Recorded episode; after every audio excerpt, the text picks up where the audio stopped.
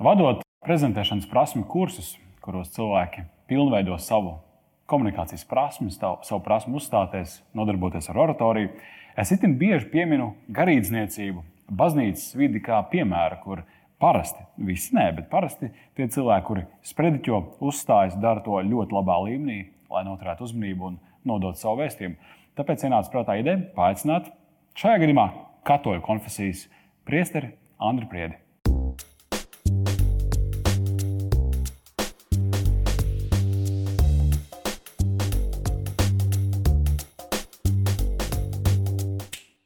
Kurā brīdī mazais Andris Priede saprata, ka viņš grib iet garīdzniecībā? Ja tas jau bija pieaugušais Andris Priede, kurš izdomāja kaut kādu likteņa pavērsienu dēļ. Atbildēji, vajag būt tādai, kādu vajag, vai tā kā bija? Nē, kā bija. Nu, definitīvi tas bija tad, kad mēs pašīrāmies ar meiteni. Hmm. Es viņas dēļ aizgāju uz Mākslas akadēmiju studēt, bet pēdējā kursā sanāca tā, kā sanāca. Un tad meitene man tā ironiski teica, nu ko, un tagad tu būsi profesionāls ticīgais. Es teicu, jā, gan. Hmm. Un pabeidzis Mākslas akadēmiju, klaudzināja pie garīgā semināra durvīm un ar aplastām rokām uzņēma. Cilvēks ar augstāko izglītību padomu laikos tomēr skaitījās vērtība. Jā, nu arī šodien. Klau, um, kad tu uzsāki šo karjeru, iespējams, zināji, varbūt uh, par komunikācijas nozīmi šajā amatā, šajā profesijā. Kā tu to nosauc, interesanti, profesionāls, ticīgais. Vai, nu, to, no, tā tā teica mana meitene. Mazliet, mazliet Tad, protams, jā. protams, mazliet tādu ironiju. Jā. Nē, un jāatzīstās, ka pēdējos gadu desmitos diskusija par komunikācijas specialitātes nepieciešamību garīdznieka amatā ir gājusi pat zināmā mērā mazumā. Ja līdz otrajam Vatikāna koncilam, kā obligāta garīdznieku sagatavošanas mācību procesa sastāvdaļa bija homilētika, tad šobrīd daudzās pasaules valstīs garīgajā seminārā aiziet uz to, ka nu, nu, kurš tad cilvēks nemāķi runāt, mm. atvaino. Nu, nu, no runas defektiem jau arī stājās seminārā. Ir cilvēki, kuriem ir liels grūtības nodziedāt. Bet no katoļu un pareizsīgo kulta atšķirībā no protestantu kulta atšķirās, ka liels uzsvars ir tieši uz liturģiju, arī liturģiskā dziedāšana. Mm. Nu, un, ja, tu, ja nu tev ir jādzied, tad arī runāt varēs. Īsticamāk, jā. Kaut kā reizēm saka, ka dziedāt ir pat vieglāk nekā runāt. Tāds, tāds paņēmiens, ka, nu, ja tev ir grūti izteikties, nu, mēģini to uh, izdarīt ar tādu uh, melodiju. Uh, Padomju laikos vēl viens tāds ekstravagants piemērs. Meža parkā Kristus karaļa baznīcā prāvests no padomju varas saņēma Um, brīdinājumu, pēc tam aizliegumus sprediķot. Nu, viņš bija kādam funkcionāram uzkāpis uz varšacīm. Tā tad tu nedrīksti sacīt sprediķus. Bet tas bija tāds radošs poļu garīdznieks, un viņš teica, jā, paklausu. Un nākošajā svētdienā, pēc nolasītā evaņģēlīja, kad no nu sekots sprediķis ar komentāru, viņš teica, dārgie ticīgie, šodien Kristus evaņģēlijā mums runā par to, kam vairāk jāklausa dievam vai cēzarām. Nu, tad padomāsim, kāda ir mūsu atbilde. Viņš jau nesprediķoja, Jā. viņš dziedāja. Nu, redz, kā. es tieši pirms intervijas domāju, vai varētu lūgt nodemonstrēt šo runāšanu, kas, kas robežojas ar dziedāšanu. Un redz, kā e, pat bez prasīšanas. Ah. Man bija mazliet nērts, ko es likšu cilvēkam vienkārši tagad e, dziedāt. Bet, man redz, ļoti patīk. Es tikko no kāzām, vakar pārbraucu no kāzām. Nu, vispār uz uh, mūsu folkloras kopa. Uh, divas folkloras kopas sacentās baznīcā, kura krāšņāk ar tautas mūzikas instrumentiem Mendelsona kāzu maršu. Nu, un pēc tam viss apdziedāšanas. Nē, nē. Man divreiz nav jāprasa, lai dziedātu. Var jau pēc balss pateikt, ka mazliet nodziedājies. Nu, kāpēc? Patīkami nostādīt balsi. Ja runā par balsīm, tad, ja mēs teiksim, lidojam ar lidmašīnu un klausāmies, ko kapteinis mums stāsta par lidojumu augstumu, ilgumu un tā tālāk, laikapstākļiem ārpusē, tad eh, bieži vien ir nu, jāiespringst, lai sadzirdētu. Un, un ir sajūta, ka cilvēks nav nu, tā, ļoti interesēts, lai vēstījums tiktu nodots. Tad, ieejot baznīcā, jebkurā konfesijā un dzirdot uh, tos cilvēkus, kuri runā, nu, parasti tā nav. Tad tomēr, nu, acīm redzot, ir vai nav tas tajā apmācības saturā, tas kaut kā joma paģēra to, ka tie cilvēki ir labi, nu, labi prot un izteiksmīgi izteikties, un, un tā, lai jebkuras ausis, kas tur sanākušas, to dzirdētu. Patīkami dzirdēt komplimentus, kā cilvēkam, tā teikt, nu, neteiksim no malas, bet, nu, ejot kādam profesionālam baznīcā, paliek labs iespējas. Ehm, man kā šīs jomas vienam no līdzatbildīgajiem, jo liela daļa Latvijas jauno garīdznieku, gan katoļu, gan luterāņu konfesijā ir mani studenti. Nu, tad es tur tomēr bieži vien sastopu, kā kāds akmentiņš tiek mests arī manā lauciņā. Mm. Jo, ja tādiem atkal lietosim manas bijušās draudzenes vārdus, profesionāliem ticīgajiem, vai kā žargonā saka, štatnī, Jā. Kad viņiem pajautā, nu, kurš no jums baznīcā sprediķa laikā nav gulējis? Nu, tad kautrīgi paceļās kāda viena, divas rokas, kuri nu, saka, nu, mēs neesam nekad aizmiguši. Bet es, piemēram, nepiedaru pie tiem, kas var pacelt roku. Man pašam vēl šajā vasarā, nu, to var, protams, norakstīt uz karstumu, bet, ja gadās eh, konsultēt dievkalpojumu, man ir otrs mācītājs, kas saka mācību. Nu, nu, tad es mēdzu tā ļoti rūpīgi klausīties, lai koncentrētu uzmanību ar aizvērtām acīm. Nu, gadās, mm. gadās. Nesen braucām ekskursijā ar Dantes Aligieru biedrību. Cienījamais profesors Pārīts vadīja. Bet um, viena no apmeklētajām baznīcām mums bija programmā tieši pēc pusdienām. Nu, protams, apsēdos pirmajā solā, lai labāk visu redzētu, dzirdētu un vajadzības gadījumā komentētu. Un, Un cilvēkiem bija tik aizraujoši nobildēt mani tur tādā nu, gan arī vai transā. Ievad būs lūdzu dievnam tādā situācijā, ka tu uh, esi mirkli pirms uh, dievkalpojuma un, un, un, un, un plāno teikt šo te, nu, tautas valodā sakot, uzrunu, sprediķi, evaņģēlī, nezinu precīzi terminu. Neesmu no tavas jomas. Kā tu, kā tu tam pieeji? Cik daudz tajā ir vietas improvizācijai, cik daudz tajā ir vietas vienkārši izteiksmīgā lasīšanai. Kā tu balansē šīs lietas? Jo, nu, jebkurā oratorijā, arī šajā tavā jomā, taču ir nu, jāiegulda darbs, lai, lai tas rezultāts būtu tāds, lai tas acis nekrīcētu. Saviem studentiem vienmēr piekodinu, nepaļaujieties uz savu improvizāciju.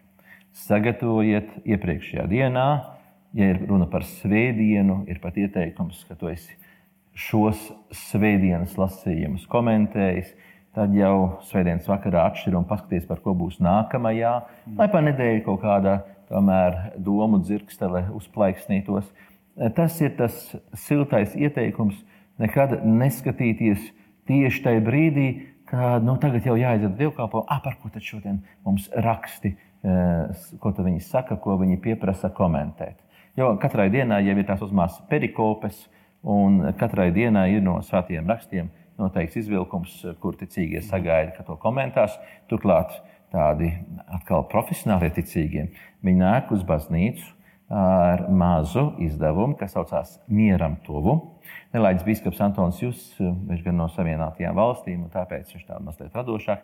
Viņš dažkārt bija teicis, nu, paņēmiet atkal to miegam tuvu grāmatiņu. nu, un tad ticīgie nāk uz baznīcu, un viņi jau redz, par ko būs lasījumi, kurus aicina kādu lektoru iepriekš mm teikt, sagatavoties un nolasīt priekšā, un kurus tad ir jākomentē. Un tad tādā grāmatiņā mieram tuvu ir izvēlēti bieži vien jau kādi seno baznīcas tēvu komentāri, vai arī pāvesta Franciska vai pāvesta Benedikta citāti. Nu, un, lai tu būtu interesantāks, loģiski ir jāsagatavojas iepriekš. Nav atļauts paļauties uz tavām improvizācijas spējām. Bet no otras puses, nu, kuram nesanāk lielā steigā ieskriet baznīcā pēdējā brīdī, nu, tur paskatīties, par ko jārunā, jau ģērbjoties uz dievkalpojumu. Jo eh, katoļu vai pareizcīgo kultā mums ir ļoti daudz to drēbes gabalu, kas mm. ir tur jāuzvelk, lai iziet uz liturģisko dievkalpojumu. Nu, tad gadās, un vēl trakāk ir ja vairāk mācītāji to izgājis jau pie altāra un pēkšņi konstatēja, ka nav atnācis tas, kuram ir uzticēts galvenās prediķotāja uzdevums. Nu, tad saka, nu, tad tu, nu, tu, nu, tu, tu parunā. Jā. Nu, tev ir jābūt gatavībā arī spēt parunāt. Nu, un tad ir tie trīs principi, kas ir nemainīgi jau gandrīz 2000 gadus no mūsu vecā Augustīna, Hipponas Augustīna laikiem, kas labam sprediķim, kā jebkuram retorikas priekšnesumam, ir sevi jāiekļauj. Tas ir Captatio benevolencija. Captatio benevolencija nozīmē publikas teikt, atraisīšana, publikas labvēlības iemantošana. Tas, ka viņi vispār tevi sāk klausīties. Mm -hmm. Otrais ir instruīra, nu, pateikt kaut kādu informāciju. Un trešais - persuādē. Persuādē ir pārliecināt, kad nu, to Eh, ja runa piemēram kādās svētos svētkos, ej un dari tu tāpat. Nu, vai tad šis piemērs tevi neaizrauj? Tā tad uzrunāt publiku tā, lai viņi nevis apsēstos un teiktu, atkal, atkal viņš kaut ko tur stāstīs. Vai. Bet, oho, viņš šoreiz mums uzrunā tā, kā pagājušo reizi nebija uzrunāts. Tad, lai vispār cilvēks sāktu klausīties un klausīties ar ieinteresētību. Tas var būt kaitinoši. Jā. Jā. Var arī būt provokatīvs kaut kāds. Jā. Pirmā, pirmā frāze teikt, nu ko, domājiet, kad es jums te laudīšu pa spalvai. Nekā nebija. Šodien mums tāds evaņģēlijs, kur liekas, ka Labāk, ja es to nebūtu teicis. Nu, Provocē uzmanību. Jā, jā pievērš uzmanību. Nu, jā, redz, biznesa komunikācijā, kurā, kurā mēs strādājam, dienu pēc autora, faktiski tie paši principi - publikas iesaiste, informēšana un aicinājums uz rīcību vai uz kaut kādu uz pārliecināšanu. Jā, redz, cik interesanti. Man ieķerās viena lieta, ko pieminēja par nu, jau aizgājušo nozares kolēģi, kurš no ASV, nu, tāpēc tāds radošāks. Jā, un, un, tas, un tas, ko es sadzirdēju, tāpēc tāds radošs, jo no ASV. Jā. Un tad tu esi ceremonijās, baznīcā, es esmu dzirdējis no tavas mutes, ka tu saki, un šeit, Itālijā, ja gan aplaudētu, vai ne? Un visi latvieši to saskatās. Nu, labi, tad drīkst plaudēt.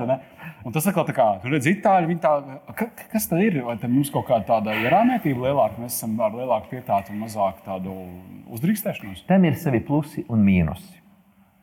Un tie mūsu latviešu garīdznieki, e, kas bija formējušies trimdā, vai kuriem bija izdevība, kā kardināls Pujāts, sistemātiski sūtīja jaunos vai pat tikai topošos garīdzniekus studēt uz um, rietumu valstīm, nu, viņi redz šo atbildības sajūtu vai atbildības daļu, ko uzņemās ticīgie rietumu pasaulē par draugu.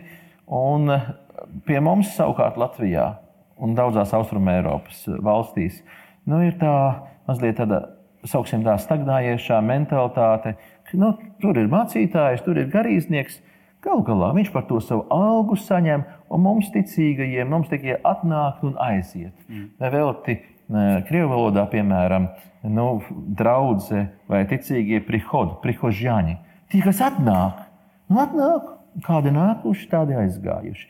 Šī atbildības daļas neuzņemšanās. Bet rietumos tātad viņi bija spiesti konstatēt, nu, ja tu nepārliecinās ticīgos, ka tā baznīca ir jāuztur, ka tur jānāk uz talkām un tam līdzīgi, nu, tad, tad, nu, tad pats, pats arī tur pēc dievkalpojuma to baznīcu slauki. Tie ticīgi ir apnākuši un aizgājuši. Tātad tā ir tā pozitīvā puse, kad tu iesaisti, tu pārliecini, mm. ka tā baznīca nepieder mācītājiem vai kādai klosteru māsai vienai pašai, bet tā ir mūsu kopējā lieta. Nu, un tad arī mm, ticīgie uzņemās savu atbildības daļu. Tagad izējām no dievnam ārā, un uh, mēs esam nonākuši, nu, lai nebūtu skumjas notikums, esam nonākuši, teiksim, kāzās. Vai, vai arī bērēs patiesībā tikpat labi.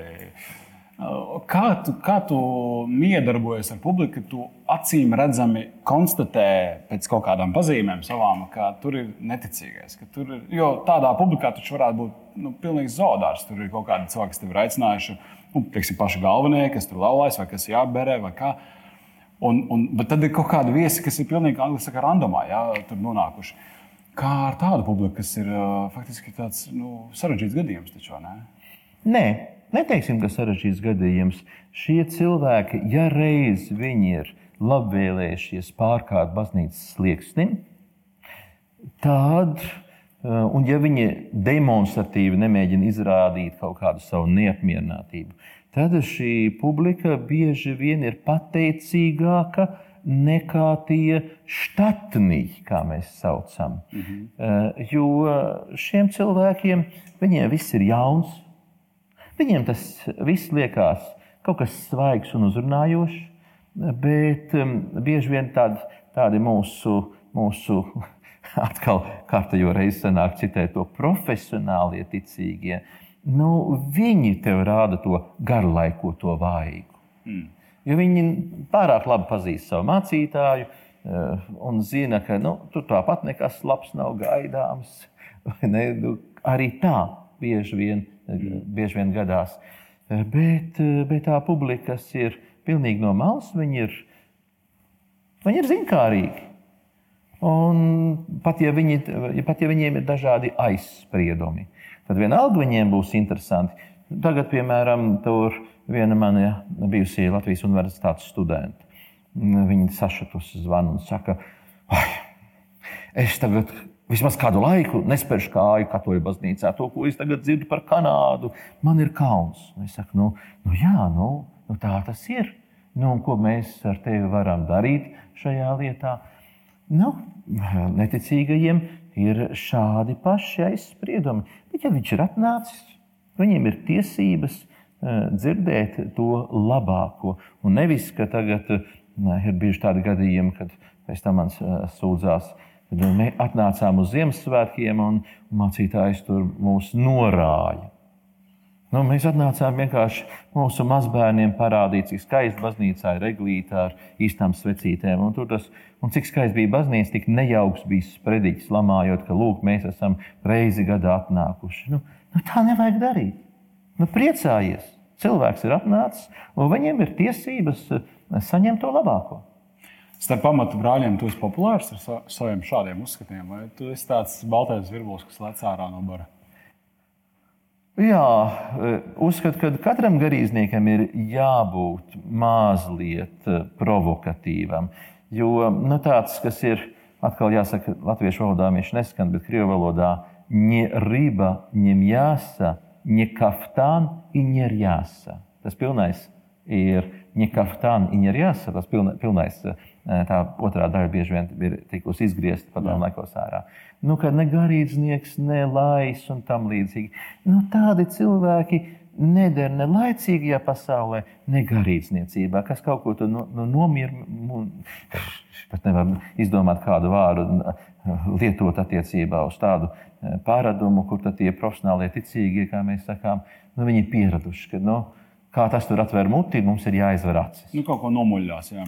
Nu, nu, nu, tāpēc, bet jā, jāatzīstās, nesūdzos, kad neielūgtu svētku reizēs sprediķot, pats zinot, ka nekad jau nevar zināt iepriekš, ko profesors Spriede pateiks. Tas ir ļoti riskanti, bet, ja aicina, acīm redzot, patīk. Galu galā par saviem bijušiem studentiem tas jāsaka kaut ko labu.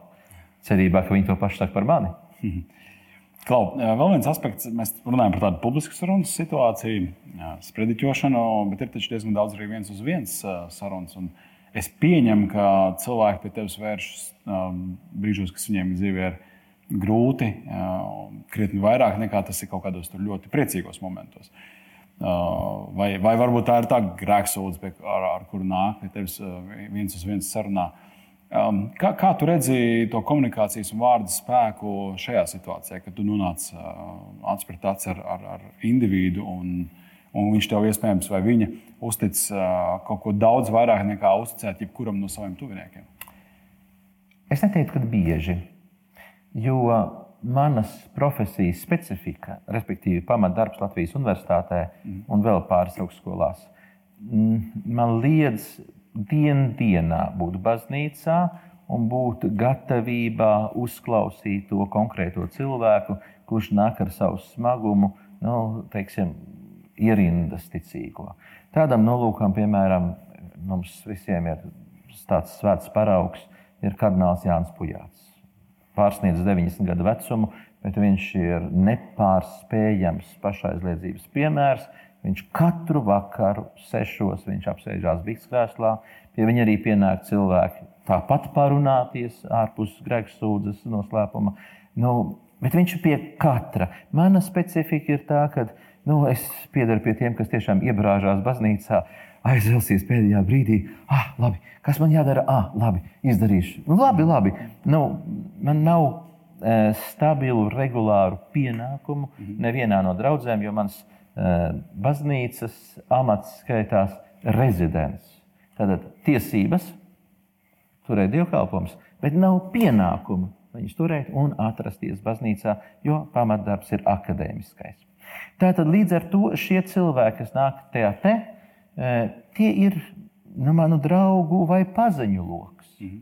Un tad man ir, protams, daudz vieglāk un vienkāršāk, jo nu, draugs draugu pazīst. Un es jau zinu, kāds ir teiksim, tas fons, kāda ir tā bagāža. Nu, tad, ja tādā ģimenē ir notikusi kāda skumja šķiršanās no cilvēka, aizgājis tur tēvs, māte, vectēvs vai vecā māte, vai vistraģiskākais, ja bērns Bet tu šos cilvēkus pazīsti, un, un tad eh, tev varbūt nemaz nekas nav jāsaka. Viņš ir atnācis un jūs kopīgi vienkārši paklusējat. Un tad arī garīdzniekam nav jākaunās. Ja viņš, piemēram, šādos smagākos brīžos, ja viņš, ja viņš raud kopā ar šo ģimeni. Es atceros vienu jauku ģimeni, es pats viņus laulāju, tad kristīju bērnu, un tad traģiskā nelaimes gadījumā gāja bojā šis ģimenes tēvs. Bērns maziņš. Pārlaimīga ģimene, kurai viss vēl bija priekšā, un tagad, tagad, tagad tēvs sadeg uguns nelaimē. Nu, nu, nu, ko es tur varēju teikt? Protams, es lasīju svētos rakstus un, un dalījāmies ar to, ka Jēzus ir labvēlējies būt viens no cilvēkiem, kļūt par cilvēku, lai spētu solidarizēties ar mēs to mirstīgo cilvēku statusu, kāds šeit ir virs zemes. Tā neviens cits dievs, nevienā citā reliģijā nu, nespēja būt tik tuvs kā tā priekšrocība, kas ir eh, manā reliģijā, norādīt, lūdzu, citais jēzus, lūdzu, sāpju diamāte, viņi ir mums, ar mums šajā brīdī. Un un pārāk daudz neaizrauties ar, ar kādiem skaidrojumiem. Visklasiskākais piemērs būtu kā brāļa kaudzītes mēnieku laikos, tad, kad oliņa māte ir pazaudējusi savu meitu, un tagad oliņa tēvs vakar pusē nu, jau nomierinājies. Viņš paņem dziesmu grāmatu un saka, nu, nu klausies, sievietes, ko saka Dieva vārds. Dievs labi dara, ko darīdams. Un es vienmēr esmu domājis, vai tā oliņa māte nekļuva par tādu cīnisko ticīgo, Tajā brīdī, kad viņa dzirdot šos vārdus, Dievs labi dara, ko darīdams, un tev uguns nelaimēji gājas bojā meita, un vīrs tev saka, nu, jā, nu, tā ir Dieva griba, viņa izraut to grāmatu un kliedz meli. Pēc tam viņa pārvērt to par savu lozungu. Lai es eju, kur ir dama Dieva vārdu, man vajag mutē turēt, bet cik daudz ļaunumu viņa atnesa ar to savu stāju. Tā tad nekad nesaki traģiskos gadījumos, lūk, Dieva grība, no mums ir jāpieņem Saki, Jēzus cieš ar tevi. Tas ir, tas ir tādos, tādos brīžos, kad atnāk kāds, kāds no draugiem, atnāk kāds no pazīstamiem un saka, Priester Andri, klausies, no mūsu ģimenē ir noticis tā un tā. Mm. Um, rezumējot, mazliet uh, pārceļoties uh, no šīs garīdznieka, um, uh, nu, profesijas izpausmēm un uh, dažādām sastāvdaļām, tā skaitā arī pacietām garoziņām. Laicīgajā dzīvē, ko tu paņem no tā, ko tu praktizē profesionāli un ko tu izmanto sadzīviski komunikācijas ziņā? Nu, es vienmēr ar interesi ieklausos, kā viens vai otrs žurnālists, vai kāds aktieris, vai kāds cits savas jomas speciālists, nu, kā viņš sev prezentē. Mm. Tā ir tā, varbūt tas ir tas pat vesels mīnus ka tu nespēji tā normāli izbaudīt teātris izrādi, ka tu jau mazliet piedomā. Mm. Vēl traģiskāk man tas ir manā pašā pirmajā profesijā, mākslas zinātnē. Kad es ienāku baznīcā, nu, protams, no manis sagaida, es uzreiz metos ceļos un lūkšanā, slavēju kunga klātbūtni. Nevienmēr man tas izdodas, jo pirmās asociācijas ir kāda bezgaumība. Nu, kurš šim mācītājam ir atļāvis? Nu, tipiska austrumēropas mentalitāte, ka bez draudzes ziņa viņš tur ir nojaucis to, uzstādījis tādu lieku mēbeli, vēl vienu krāmu, sanesis tik daudz un tik daudz ģipša statujas. Tādā vietā kur varēja atstāt un dot restaurēt vēsturisko 18. vai 19. gadsimta interjeru. Nu, bieži vien tātad šī profesionālais skatījums, ka nu, tur prasītos restaurēt oriģinālo krāsojumu un, un, un vispār. Nu, kāpēc tur ir uzlikts šifers, taču varēja uzlikt eh, skaidiņu jumtu oriģinālo. Nu, tas šādi baidoši. Nu, tātad tas profesionālais skatījums tev eh, reizēm var traucēt, tā teikt, vienkārši baudīt Bet eh, nenoliedzami ir interesanti, un ja kāda, kāda laba ideja, kaut kāda odziņa no, no, kāda, no kāda kolēģa, kāpēc to neizmantot? Tikai man jau ir pāri 50. Es vienmēr domāju, kas, kas šo priekšmetu, homilētiku, tātad sprediķošanas mākslu, nu, man jaunie kolēģi, nu, kas pārtvers, kam kam atstāt, kam atstāt šo uzkrāto bagāžu, kam atstāt šo pieredzi, domāt par to, kas turpinās. Un lai neatkārto varbūt arī varbūt manas izdarītās kļūdas. Jo arī no kļūdām mēs varam mācīties kaut vai no tiem pašiem ticīgajiem, kas tavā sprediķa laikā demonstratīvi snauž. Vai arī es pats aizdaužos. Trakākais vienreiz Itālijā bija gadījums. Viens smalks kardināls dievkalpojums ar valsts prezidenta piedalīšanos. Mēs tur kādi vairāki desmit garīdznieki puslokā sasēdušies. Dievkalpojums jau bija ļoti skaists. Bet no sprediķis, sprediķis tiešām bija kulminācija visam. Ja vienā brīdī man blakus sēdošais garīdznieks sprediķa laikā iegrūž tādu dunku sānos un saka, tu klusāk. Es ne tikai biju aizsnaudies. Gadās. Arī Jā, labi, Anna, liels paldies par sarunu. Tiešām ļoti interesanti. Paldies.